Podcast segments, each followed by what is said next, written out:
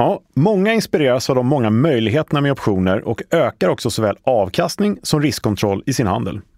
Men det är många som inte riktigt kommer igång med de här guldkantade möjligheterna eller de som inte riktigt hittar formen för sin handel.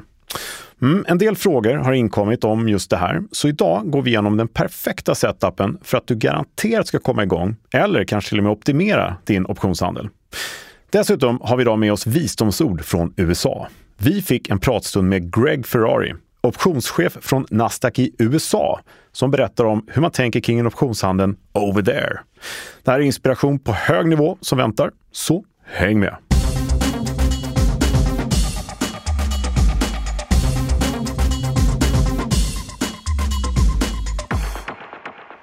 Ja, men varmt välkommen tillbaka till Optionspodden här igen. Det här är podden serie kunskaper som ingen privat eller professionell investerare på börsen vill vara utan. Vi pratar om börsens hela verktygslåda som alla vill ha tillgång till. Vi är inne på avsnitt 91 minsann. Mitt namn är Kalle Björkegren. Någon som klarar på att jag inte presenterar mig tillräckligt bra, så det är jag. det är du ja. Men vi presenterar alltid dig. Ja, du gör det i alla fall. Eller jag får, jag får bidra lite grann. Ja, men du får göra det själv. Vem är du? Ja, Thomas Bernholm från Nasdaq. Ja, är, är, du ny här eller? Nej. Hur är det med minnet? Ja, det är precis sådär. precis. Ja. Trevligt att vara här i alla fall, Kalle. Ja, men trevligt att ha dig här. Trevligt att vara tillbaka. Roligt mm. att höra. Hos Studio Smile. Det var väl en trevlig ingress det där? Ja. Eh, Spännande. Inspiration, det, kunskaper. Ja, och det är ju inspirationsavsnitt på mm. hög nivå. Mm. Men det kanske alla avsnitt är när jag tänker efter. Det får vi hoppas, på ett eller annat sätt i alla fall. Ja. ja. Det är lite syftet i alla fall. Ja, men visst. Men det är ju så här, det kom ju in en del frågor om eh, grunderna och då menar vi grunderna att liksom komma igång mm. med handeln och hur man ska tänka och sådär. Och det är inte bara de som typ aldrig har handlat utan det är de som handlat lite grann. Mm. Eller faktiskt de som är aktiva, som inte riktigt Eh, är bekväma med eller de hittar liksom inte formen för sin okay eh, tradingplan och sådär. Just eh, det har vi pratat om förut ett par gånger, men idag ska vi ta ett tag för det. Så vi ger alla möjligheten att faktiskt till att börja med komma igång, för att det är mycket guldkantat som väntar där ute. Mm, och det kan ju vara svårt som vet, som jag tagit upp det förut också. Man har många mm. tankar och grejer, så kommer man inte riktigt till skott där. Det känner Nej. jag igen mig själv i alla fall. Ja, så, visst gör man det. Lä, ja, göra ja. som man lär ut liksom. Ja, men precis. Och för de som är igång här så har vi ändå Mr Greg Ferrari. Mm. Ganska coolt namn. ja, verkligen. Eh, en för detta hög optionschef eh, på Nasdaq i USA. Alltså för detta, han är ja. nu ännu högre upp. Ja, nu är han ännu högre upp. Han har varit chef för optionshandeln för eh, Nasdaq i USA. Ja. Och nu är han på en högre nivå som innefattar även aktier och i ledningsgruppen på ja. toppnivå. Hans working title just nu är Head of Nasdaq Exchange and Business Management. Mm. Det säger inte så mycket sådär, men det, han är högt upp. Det låter brett i alla fall. Och han hälsade på Nasdaq Stockholm. Och då passar vi på att växla ja. några ord med honom. Ja. Mm. Inspirerande hur de tänker där borta. Lite annorlunda, lite större, lite bredare och mycket att lära sig. Ja, det är alltid kul att höra vad som händer där borta. Ofta mm. är de några år före. Ja. Ofta i alla fall. Ibland lite efter med tanke på vad man tittar på för analyser. det kommer vi till. Ja, just det. Ja. Så en liten cliffhanger. Greg Ferrari kommer. Uh, och du, bara recap från förra veckan. Mm. Uh, Eller förra, förra veckan till och med. Ja, just det. Förra avsnittet, förra, förra veckan. Ja, Tiden går så fort. Den gör det. Uh, intervjun med uh, Anneli Martla Ling från Nordea. Bra feedback, eh, inspirerande på hög nivå. Mm, men det var jättetrevligt. Ja. Jag fick ju inte vara med i själva intervjun, så jag Nej, fick ju lyssna på den. Det var exklusivt. Bara för dig, Kalle. Få förunnat som ja. fick vara med där. Nej, men kul att höra på henne, mm. absolut. Mm. En aktiemäklare med koll på hela marknaden. Har man inte lyssnat på det avsnittet så tycker jag man ska göra det vid tillfälle. Det vill säga nummer 90. Ja, det är innan det här. Så direkt när det här är slut så kopplar man över på det om man har missat det mot förmodan. Okej. Okay. Ja, du börsen är stark men orolig. Uh, fast stark i synnerhet. Ja, men väldigt stark. Uh, det ska vi prata om någon sekund. Var det mer vi ville nämna? Så här? Nej, men jag ville väl slå ett slag för det här quizet som är ute. Ja. Och eh, det löper till och med den 29 februari. kan man visa vad man går för och man kan vinna mm. lite priser. Bland annat en eh, börslunch. Med dig Thomas. Ja, okej, okay. då kanske ingen vill spela.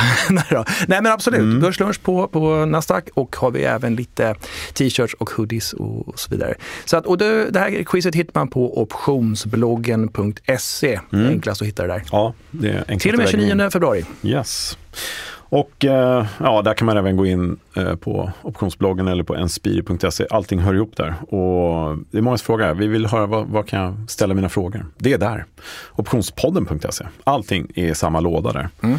Kan man, om man vill ställa någon fråga eller om man vill höra någonting speciellt eller önskemål och sånt där, så bara hör av er. Och det är många som gör, eh, men fortsätt och fyll på frågelådan så har vi lite bra, bra backgrounds. Ja, men vad bra, du, ska vi kolla börsen då? Ja. Hur mår den? Vi kollar. Gör det. Kalle, nu vill vi höra ja. läget på börsen. Ja, men läget på börsen är starkt, väldigt starkt. Det är en väldigt stark aktiemarknad som jag tror de flesta av våra lyssnare känner till. Befinner sig liksom på nivåer som är de högsta nivåerna på två år. faktiskt.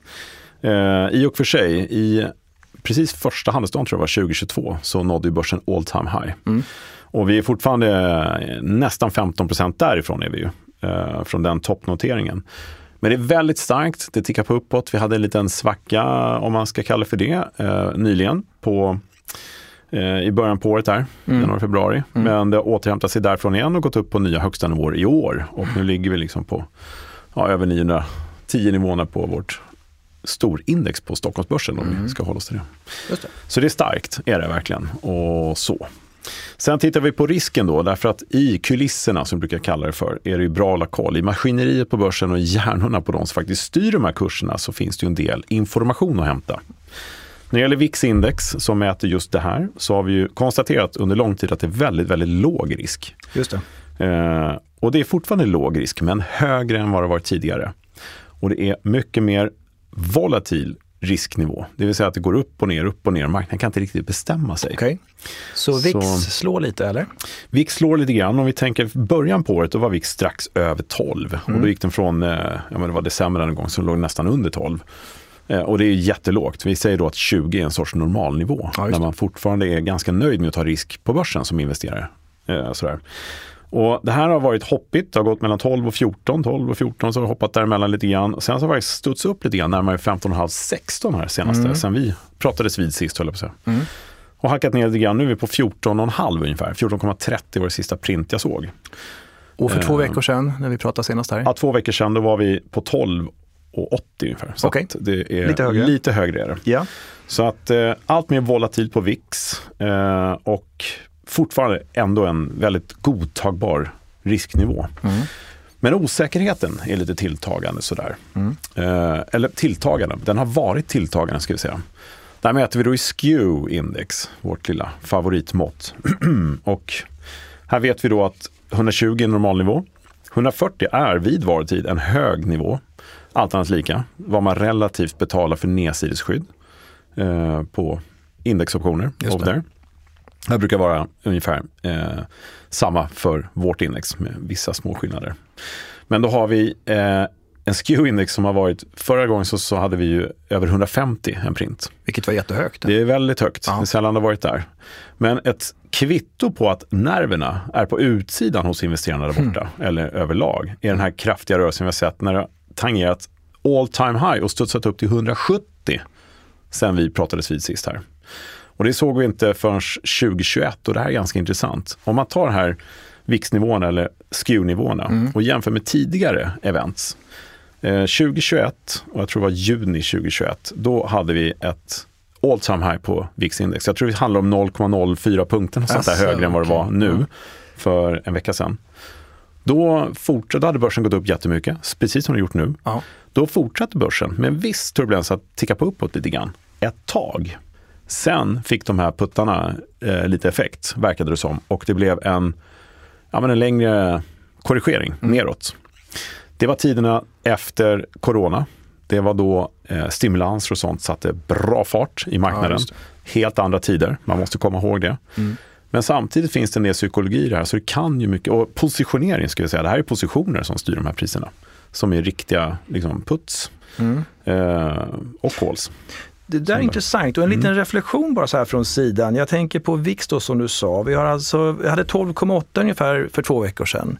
Och vi har nu 14,3 och vi har alltså, den har stigit, mm. men börsen har också stigit. Ja. Ganska mycket. Bra och vi har, och vi har alltså ett VIX, jag säga, en SKEW mm. som, som steg också mm. under då eh, en uppåtgående trend. Ja, mm. Ska vi säga då också att nu eh, fram till idag, från den här 170-nivån, ja. det är ju väldigt stretchat, så har ja. SKU kommit ner ganska kraftigt, ner till 140-nivån nästan. Det är ett brandfall? Det är ett brandfall som bara den är ja. Okay. Eh, och eh, ja, vi, vi, ligger just nu på 142-nivån. Eh, och det är fortfarande ganska högt. Mm. Det är fortfarande bra pris för nedsidesskydd.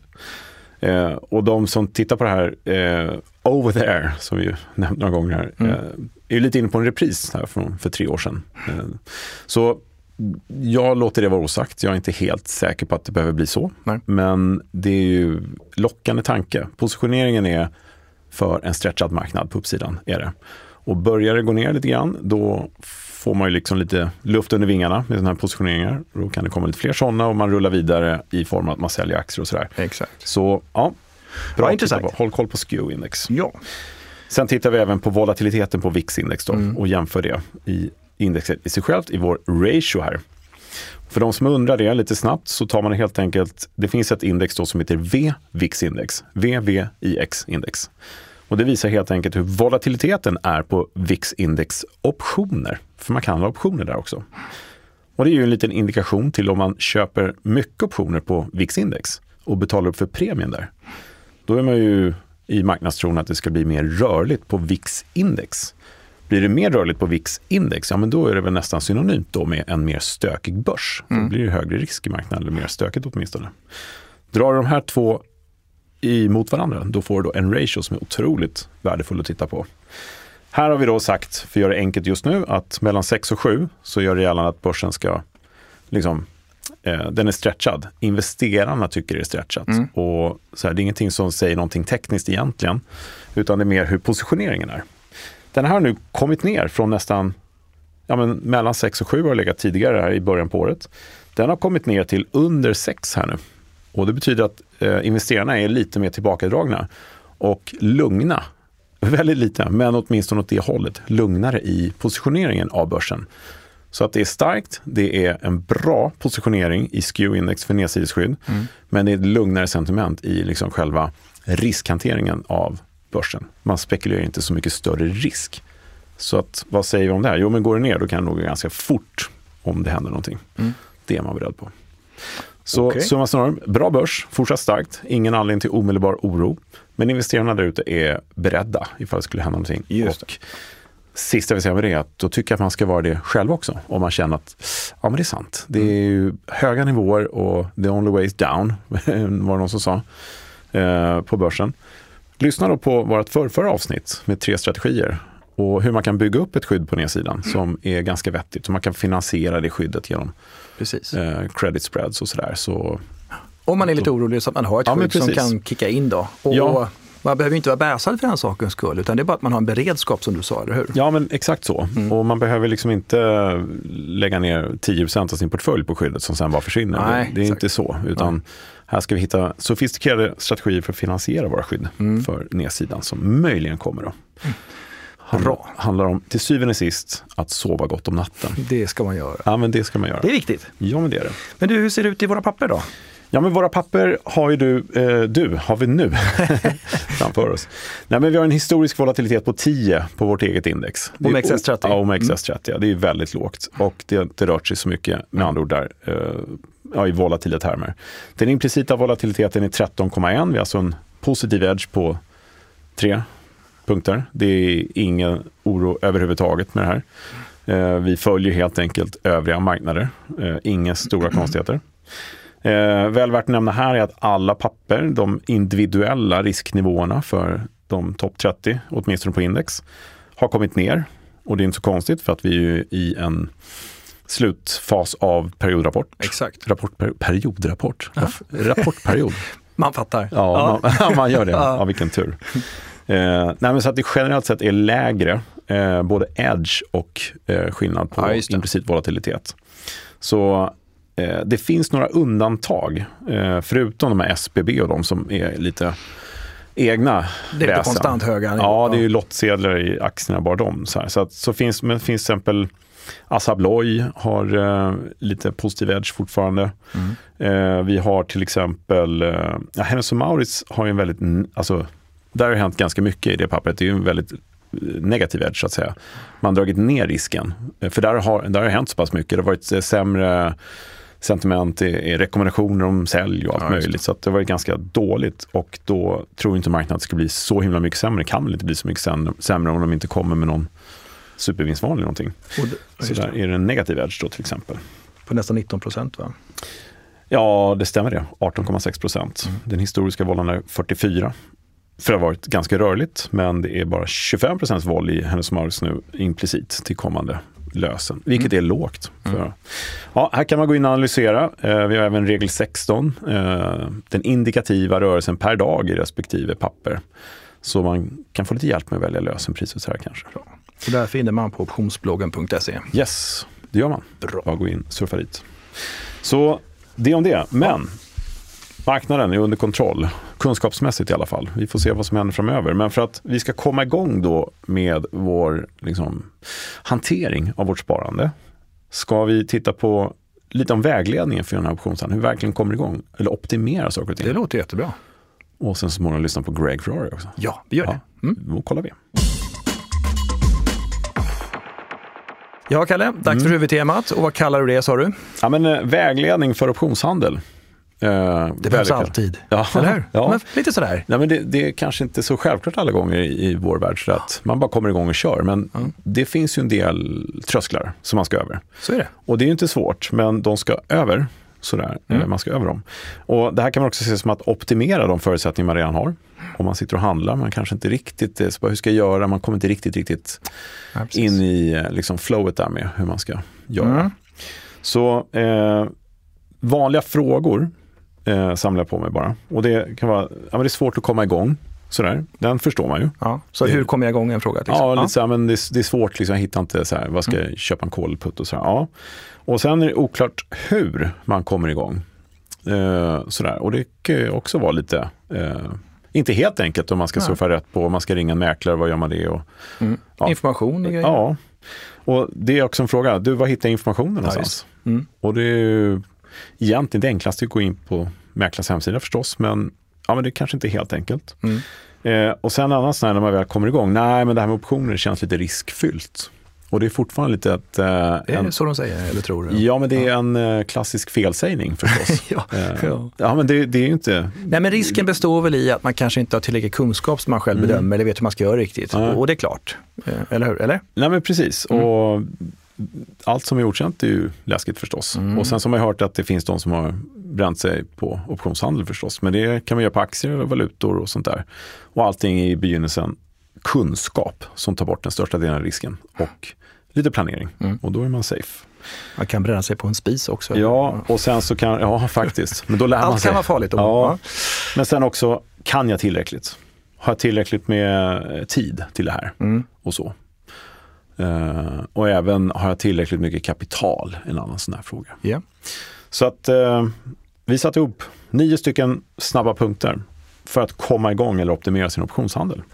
Hur lyder de då? Ja, ska vi ta dem en och en? Det tycker jag. Inte alla på en gång. nej, nej. Ja, nej, men nummer ett, ett derivatavtal måste till. Eh, det är första steget och absolut nödvändigt förstås för att kunna handla med optioner överhuvudtaget. Just det. Man har en aktiedepå och man behöver komplettera den sannolikt. Ja, precis. Och det behöver inte vara svårt alls. Eh, det kräver en, en mindre engångsinsats, skulle mm. jag säga, eh, för att få på plats. Och här har vi ju mäklarens ja, skyldighet, ansvar och absolut stora vilja att hjälpa till. Men här kommer vi då till den här kursportalen som vi pratar om ofta. Din? Som, man, ja, mm. eh, som heter Optionshandel på börsen som man hittar på optionskurs.nu. Helt gratis, fullständigt kostnadsfri, inga skyldigheter. Här har vi instruktioner. Här har vi ett, en hel modul som vi faktiskt har lagt till. Där det heter bara hur kommer jag igång? Eller kom igång. Jag blir osäker. Ja, så, men, men, eh, det, det finns en hel modul som heter kom igång. Ja. Och där finns det exempel på hur de här avtalen ser ut. Och, eh, Någon det, instruktionsfilm vill jag minnas också? Det finns instruktionsfilm, absolut. Ja, gör det. det finns allt möjligt som man behöver där. Eh, gör det. Så in där och kolla om man inte är reggad så är det bara att regga sig på optionskurs.nu. Perfekt. Eh, man, och, ja, det, det, är bara massa information där som är bra att ha. Ja. Eh, när vi ändå är inne på det så tar vi punkt nummer två. Vad står det där? Ja, jag ser att du har skrivit utbildning. Ja, och Det här är ju superviktigt förstås. Om man vill få tillgång till den här verktygslådan så är det ju väldigt bra om man tar sig tid att lära sig grunderna i optionshandel och det räcker så eh, om man inte har tid med mer eller så. Eh, men eh, den här terminologin kan ju vara lite knepig. Calls och puts och allt vad det nu kan vara. Och strangles och vaggor och, och sådär. Men det finns ju en del. Ja, mm. men om man tar sig tid att lära sig grunderna, eh, en del strategier och framförallt det här med riskhantering då har man tagit bort 95% av risken man sig för om man börjar handla hej vilt och mm. bara hoppas på det bästa. Eh, här kan man ju använda massvis med olika tillförlitliga källor och resurser eh, så man får den här fina förståelsen. Men då har vi återigen en hel kursportal som vi faktiskt i vårt team här på Nasdaq, eller jag har skapat eh, mm. för teamet. Och just optionshandel på börsen. Så det är helt gratis att bara gå in där. Så mm. då har vi två stycken klara inledningspunkter. Och nu förstår jag att du riktar det främst till de som kanske inte har kommit igång riktigt. Men det finns ju även material för de som är igång, som ska ta sig till nästa steg. Yes, och det kommer vi till här mm. uh, i kommande punkter. Så att det här är ju för dem, de första två punkterna är de som kanske är intresserade, nyfikna på optioner, lyssnar på podden ett tag men inte riktigt startat ett avtal mm. överhuvudtaget. Så börja där och man be behöver ju inte handla optioner bara för att man har avtal på plats. Men det kan vara bra att ha. Det är inte så att det kostar 5 000 om året att ha ett derivatavtal. Riktigt. Ja, så det är bara... Det är bra att vara redo. Ja, men visst. Mm. Sen nummer tre, hitta en bra handelsplattform. Eh, det här är ju någonting som vi måste jobba jättehårt med för att utveckla framöver. Där vi kanske får ett eh, jättefint system just för optioner. Så det finns i pipen säger vi. Det är liksom någonting på gång. Nu ser det lite pillemariskt ut. Ja, jag tänker ja. om du menar bankerna eller? Um, ja, om, kanske. Mm. Jag tar det som min egen cliffhanger. Ja, okay. Men bekanta dig med din mäklares hemsida är väl tipset till att börja med. Eh, undersök systemet som finns online för handeln med aktier och det finns även för optioner. Det finns lite si och så, eh, önskemål om hur man sorterar optionerna och så, men även här i kursportalen så finns det en video om hur man kan sortera på ett exempel på en hemsida mm. och få en bra, som en tradingvy, liksom, och få ganska bra förutsättningar. Så rådet är in och titta på modulen igen? Ja, och mm. det är återigen kom igång-modulen. Ja. Sen finns system Infront också som jag själv använder och har gjort i 20 plus år. Mm. Eh, och det är ju som proffsen också använder och som finns tillgängligt för eh, alla privatpersoner också. Eh, kostar en liten slant men vissa tycker det är värt det för en fullständig översikt på nyheter och optionshandel. Vad bra. Ja. Mm. Nummer fyra, starta smått om man inte har kommit igång. Det är ett bra tips. Börja med att handla med små summor och liksom få den här praktiska erfarenheten utan att man riskerar för mycket. Dras inte med i lockelsen över någon hävstångseffekt eller någonting. inte det? Lasta. Nej. Nej. De har man bevittnat en gång för mycket mm. genom de sista 30 åren kanske. Så eh, möjligheten att lära sig och justera strategin och sånt där blir ju eh, jättemycket större och bättre och mer flexibel utan att man påverkas av jätteförluster liksom alls. Ja. Så det är bästa sättet att lära sig och vara i skarpt läge, så börja smått. Stämmer. Nummer fem. Det här är någonting som jag tjatat om varje avsnitt och det är ganska självklart. Sätt dina målsättningar och strategier. Utveckla liksom en tradingplan så att du har någonting att följa. Så att du innan det kommer ett marknadsläge som är knepigt vet vad du ska göra om det sker. Och det här är liksom eh, bristen på en så här tydlig handelsstrategi som man har baserat på sin egen risktolerans. Hur mycket mm. pengar kan jag förlora på varje affär och inom vilken tidsram ska jag handla och sådär. Mm. Eh, har man inte ordning på det, blir det oerhört mycket svårare. Mm. Men har du koll på det, och det tar inte lång tid att fixa, då ökar sannolikheten ja, 20, 40, 50 gånger med att det blir ett bättre resultat. Nej, men det, är, det är som du säger, det är suveränt eh, att vara förberedd, veta vad blir mitt ja. nästa steg om detta sker och så vidare. Just det, och sen eh, när man kommer i kontakt med optioner och blir inspirerad eh, och känner att det här är bra grejer, för det är det.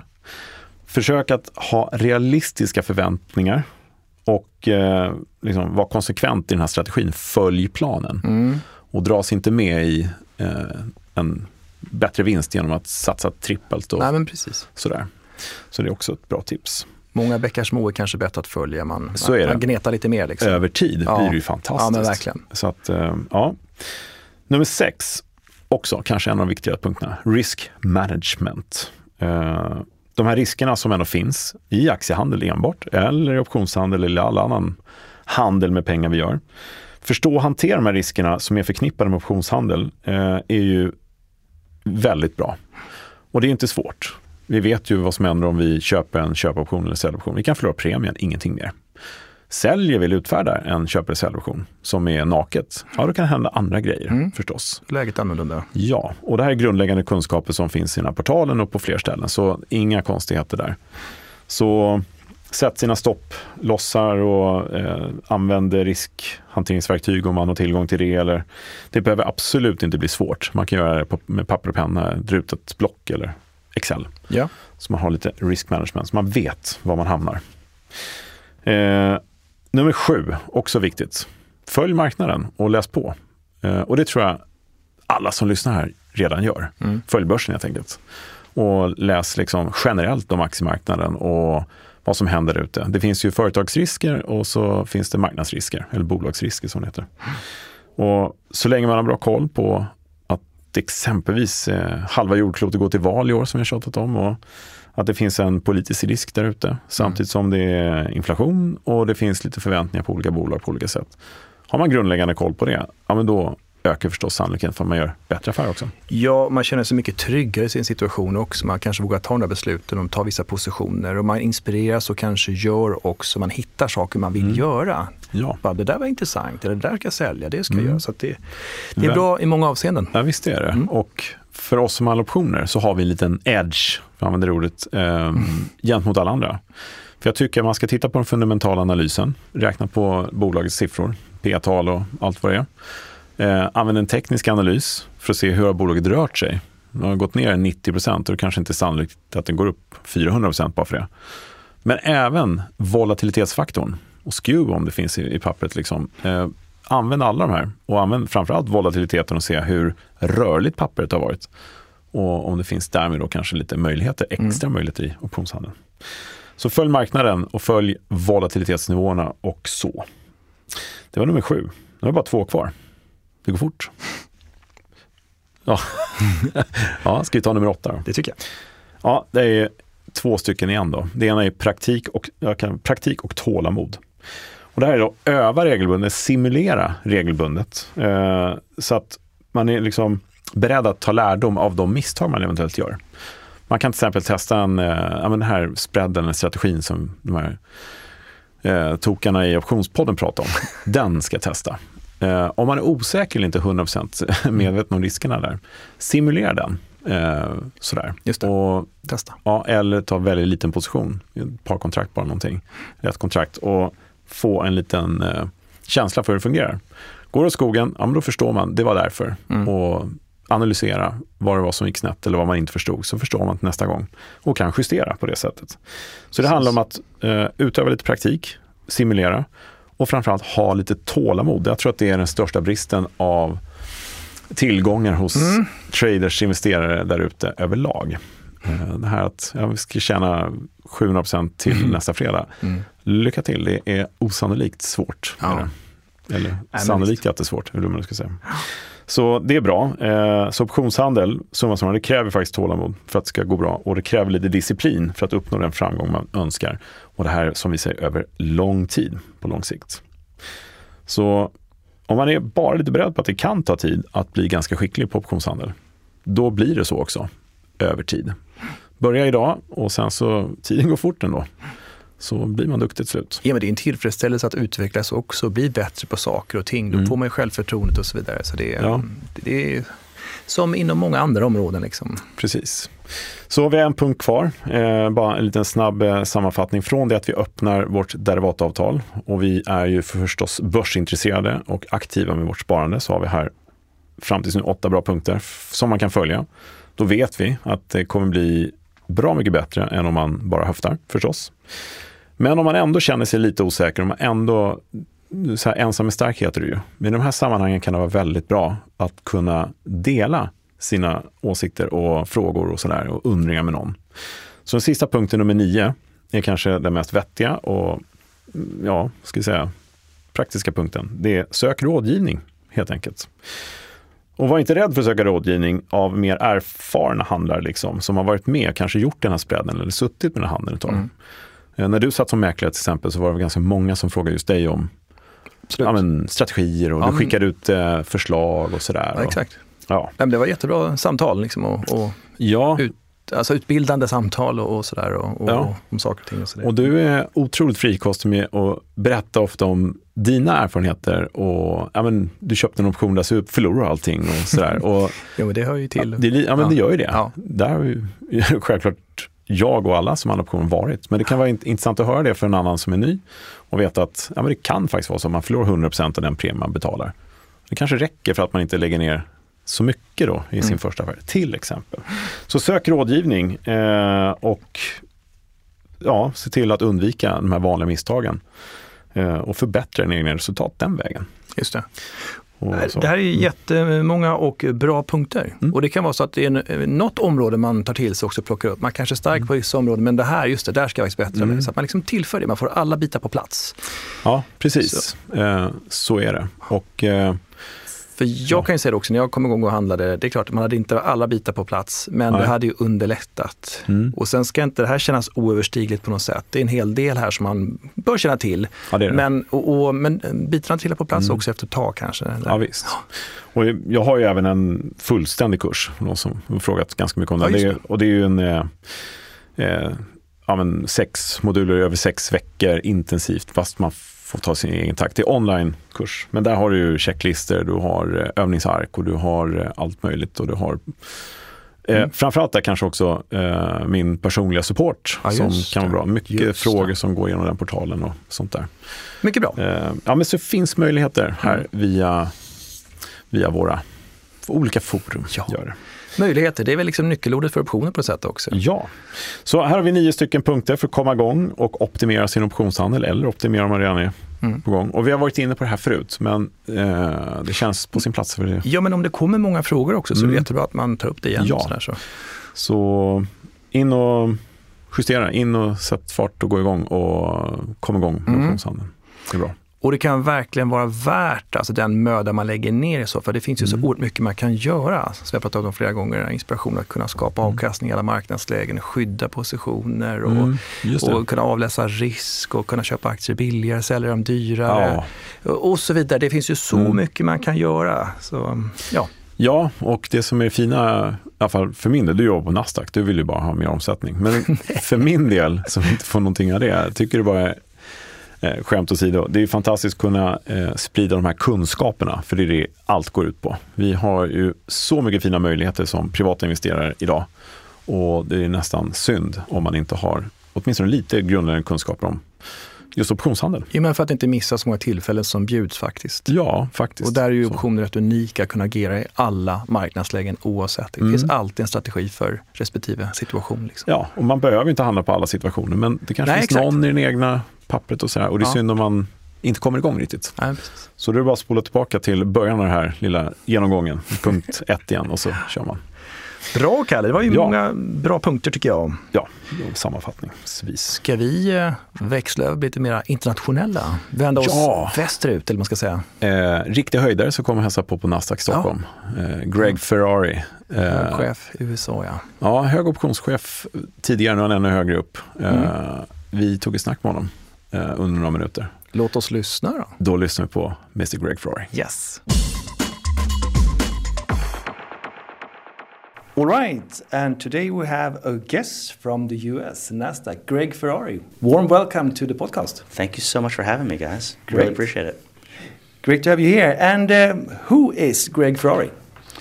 Greg Ferrari is a long-standing Nasdaq employee. Uh, I've been with the firm for almost 13 years, coming up this April.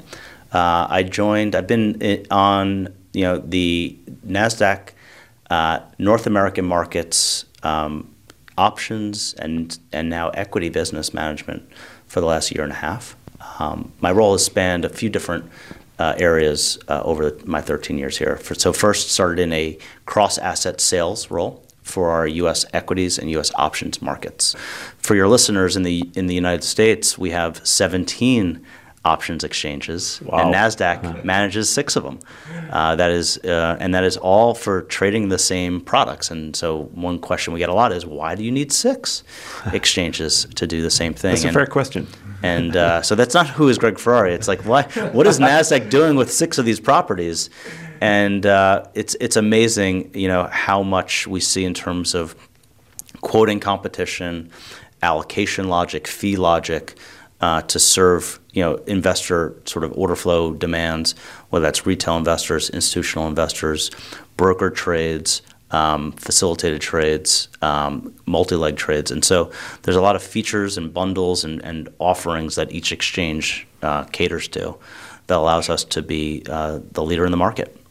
How does trading options work in the US for the uh, average retail client? The, the simplest form to explain to your users is if I'm on a device, whether that's in front of my PC or on my phone, that order doesn't come directly to the exchange. It typically comes to what we refer to as a wholesaler. And a wholesaler services that order flow by way of best execution and order management. Because mm. of those 17 exchanges, we don't expect a platform to have connectivity to 17 exchanges to then make a decision to say, well, which exchange should I send it to? and that becomes very complicated for these platforms that are trying to really innovate on the user experience and on um, the, the capital efficiencies of, of, the back end of the platform.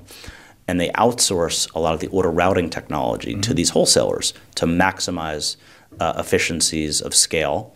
Um, it's a very complicated, um, regulated market. So, in order to make that best decision at time of entry, that that essentially gets outsourced to providers who then in turn provide best service. Uh, talking about uh, different products uh, with options, uh, we recently, uh, or recently for a while now, been talking about these uh, zero DTE options, the contracts, yeah. like the one day contracts. Um, what is your take on those contracts? Because we know there's a lot of trading with these contracts. Yeah, they're incredibly popular. Yes. Um, from our vantage point, we see this as an opportunity to really have precise risk management around events. So the exchanges themselves are listing a consecutive two weeks of what we call short-term options or dailies. So the, the, the misnomer is that we are listing the product the same day that it expires to inherent you know, create some sort of inherent benefit of speculation. The reality is these are products that have been on the shelf and that there's a constant stream of an expiring contract. And this has been newer in the fact that there's an every day of the week expiry, but has not been new in the standpoint that an expiration day had more activity than a previous right. to expiration day. As options in the US launched in 1973, there was always more activity on the third Friday mm-hmm. than there was on the previous Friday. Okay. But speaking about the retail clients, what do they typically do? Is it like outrights or are they sophisticated in doing multi-legs? And is there anything you can say about that, what they're doing? Yeah, in the short dated, we're definitely seeing more multi-leg trading yeah. because inherently uh, they want to have guardrails around the type of risk that they're taking mm-hmm. because mm-hmm. of potentially any shocks to the portfolio or after hours move. They want to have uh, defined and contained risk. Um, in uh, more broad, we are seeing in earnings, we're seeing more uh, buying of out of the money calls or selling out of the money puts typically mm-hmm. around the Magnificent Seven. That seems to be very common in terms of the types of strategies. Um, and then we're seeing a lot more sophistication from um, institutional investors using just options more broadly, but also uh, in the uh, the ETF wrappers in particular, having um, sort of these defined outcome or buffered products that's really enabling the listed options markets to compete with the structured product markets.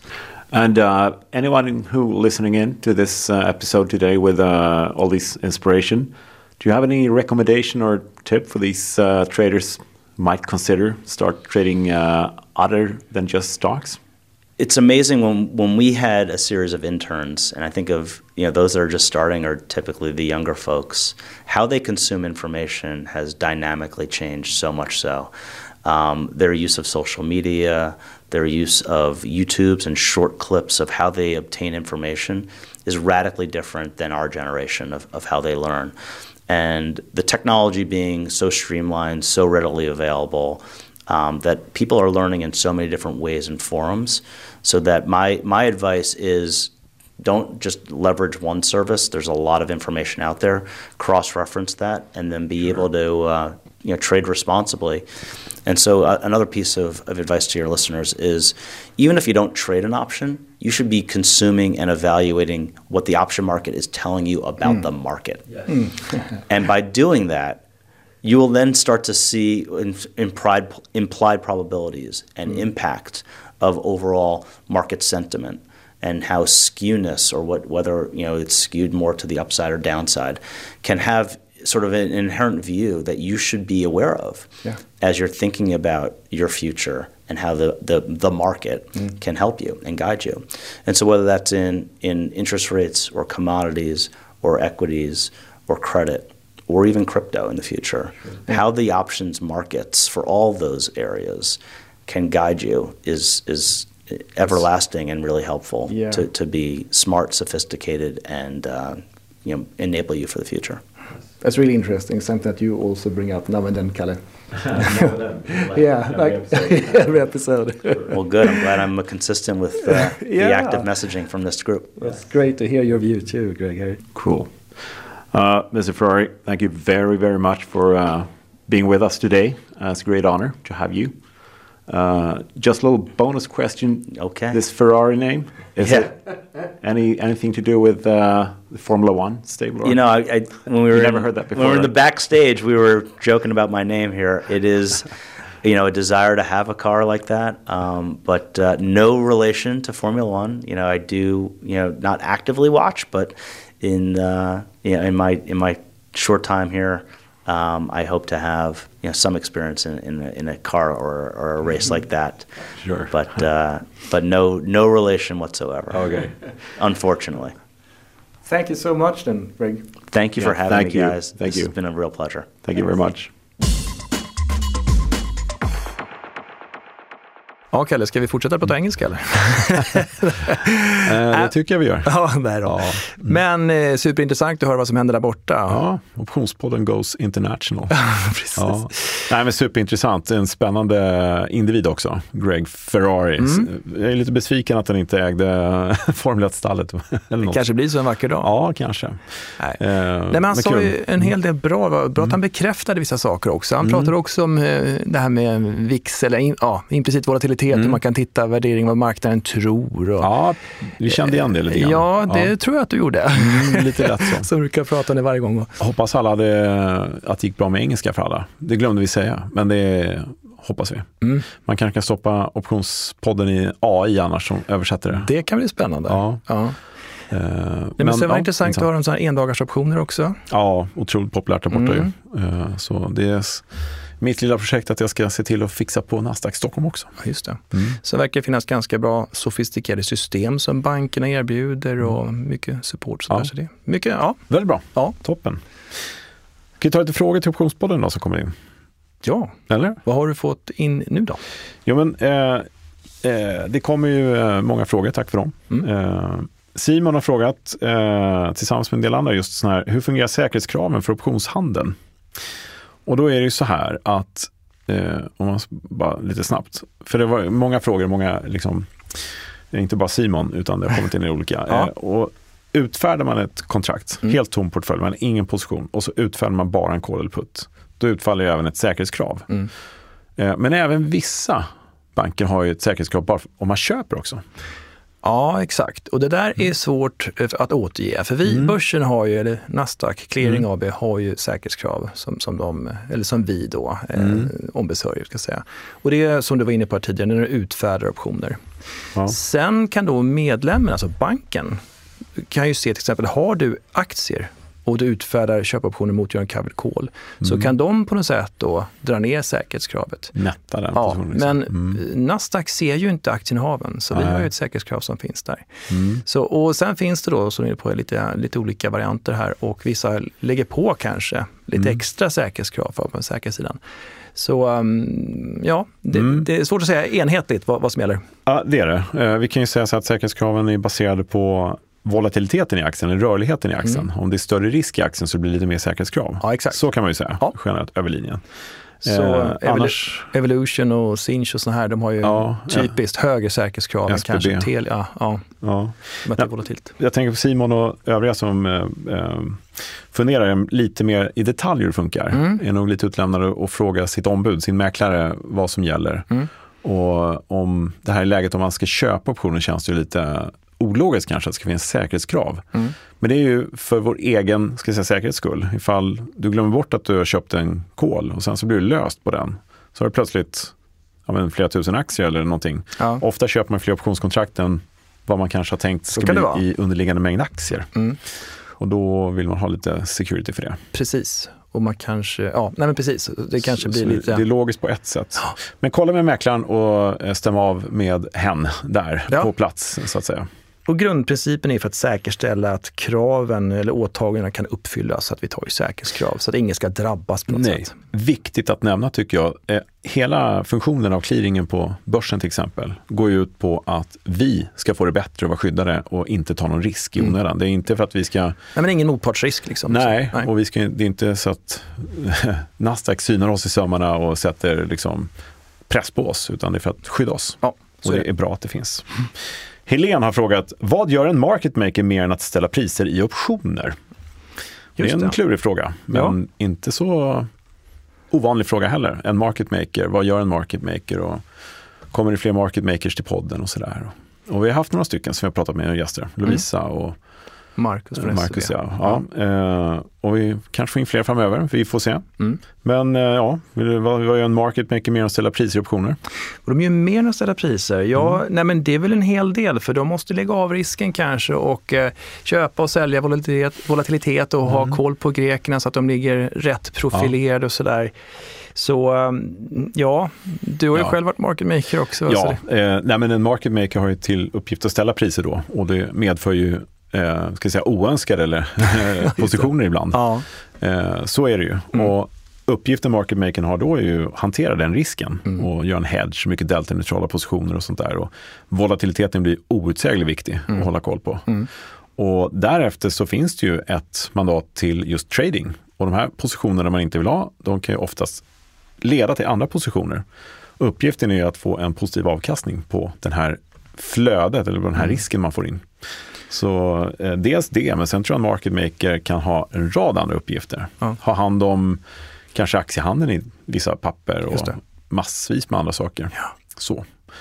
Nej, man kan sagt lyssna på avsnitten. Mm. Eh, kan, minns inte allt i detalj, det var ett tag sedan. Men Nej. Eh, det kan man göra när vi har market makers här i poddstudion. Mm. Um, Ja men det är bra, så att en market maker kan göra ganska mycket. För mm. Det är ovanligt att en market maker har kundkontakt och kundansvar. Mm. Så är det ju inte. Nej, det, det, ska man inte ha. Nej. Det ska ju vara lite kinesiska eh, murar däremellan. Ja, precis. Men, eh, Men i övrigt så, ja. allting som har med risk och trading att göra. Man, man kan säga också att man pratar om client facilitation, alltså man ska serva kunderna och mm. ge dem priser. Ge dem eh, alltså på, på kanske större ja. volymer och sådär. Mm. Så ska de försöka lägga av risk som är inne på. Exakt. Ja, grunduppgiften är ju att hantera risken som hamnar på boken, som man mm. säger. Ja, in och lyssna på Market Maker-avsnitten mm. tidigare här i Optionspodden. Björn har frågat eh, följande. Var kan man hitta en sammanställning kring vad alla banker och ombud erbjuder angående optionshandel? Och det här har dykt upp några gånger också. Eh, vilken mäklare bäst och vem erbjuder vad och sådär. Oj då. Mm. Och det är ju ingenting vi ska stå här och säga egentligen. Det är kanske svårt att säga också. Ja, faktum är att det, det, är inte så lätt att säga att ja, men den är bättre än den, utan Nej. det är helt och hållet upp till det egna behovet. Det är någon som kanske planerar och, och ja, sagt upp sig på jobbet ska behandla varje dag, mm. sålt sitt företag och nu ska omsätta pengarna på bästa möjliga sätt.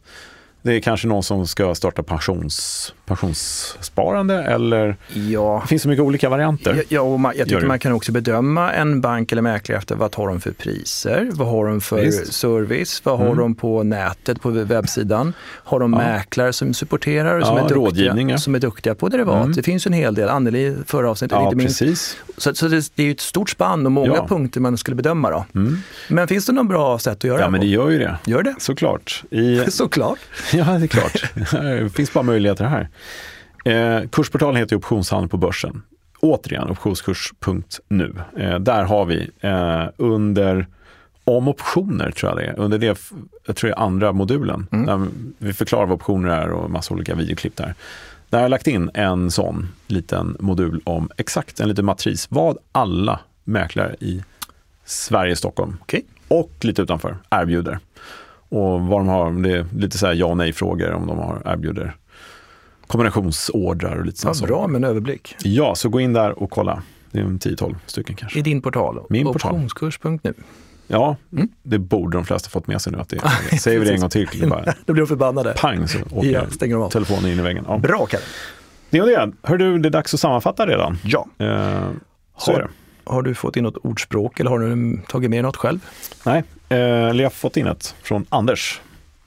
Eh, frågan om det var du som fick in det här i och för sig, men det har kommit in här i alla fall. Ja, det är det. Ja, nu ja. känner jag igen det. Mm. Ja, ja. Vad läser du?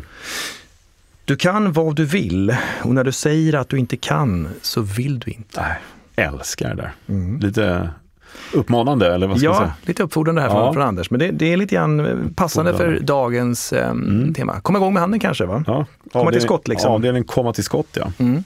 Nej men exakt. Eh, nu säger jag att du inte kan så vill du inte. Det är när jag försöker lura dig till Bosön och säger så här, men jag kan inte.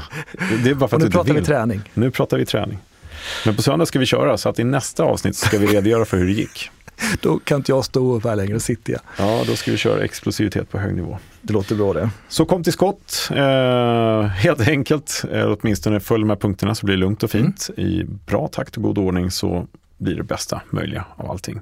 Och vi finns ju också till förfogande framöver och ska fortsätta leverera bra information till alla som vill och alla som lyssnar. För bästa möjliga handel på börsen. Med lite nya spännande gäster också. Ja, det har vi ju faktiskt i pipen. Mm. Så Känns bra. det är bara att invänta det. Det ska ja. bli spännande. In på optionsbloggen eller optionspodden.se och enspiri.se och allt det där. Mm. Så tar vi det därifrån sen. Du ville säga några fler? Nej, men det räcker ja. nog så. Och missa inte Nasdaq Derivatives Academy. Nej, just det. Nu. Bra. Är du nöjd nu? Inte helt. Jo, då, jo då, absolut, jag är jättenöjd. Ja. Nej, tack för idag. Tack så mycket. Fantastiskt. Ja, tack Vi alla. hörs snart. Ja, ja. Ha det fint. Hej då. Hej då, hej.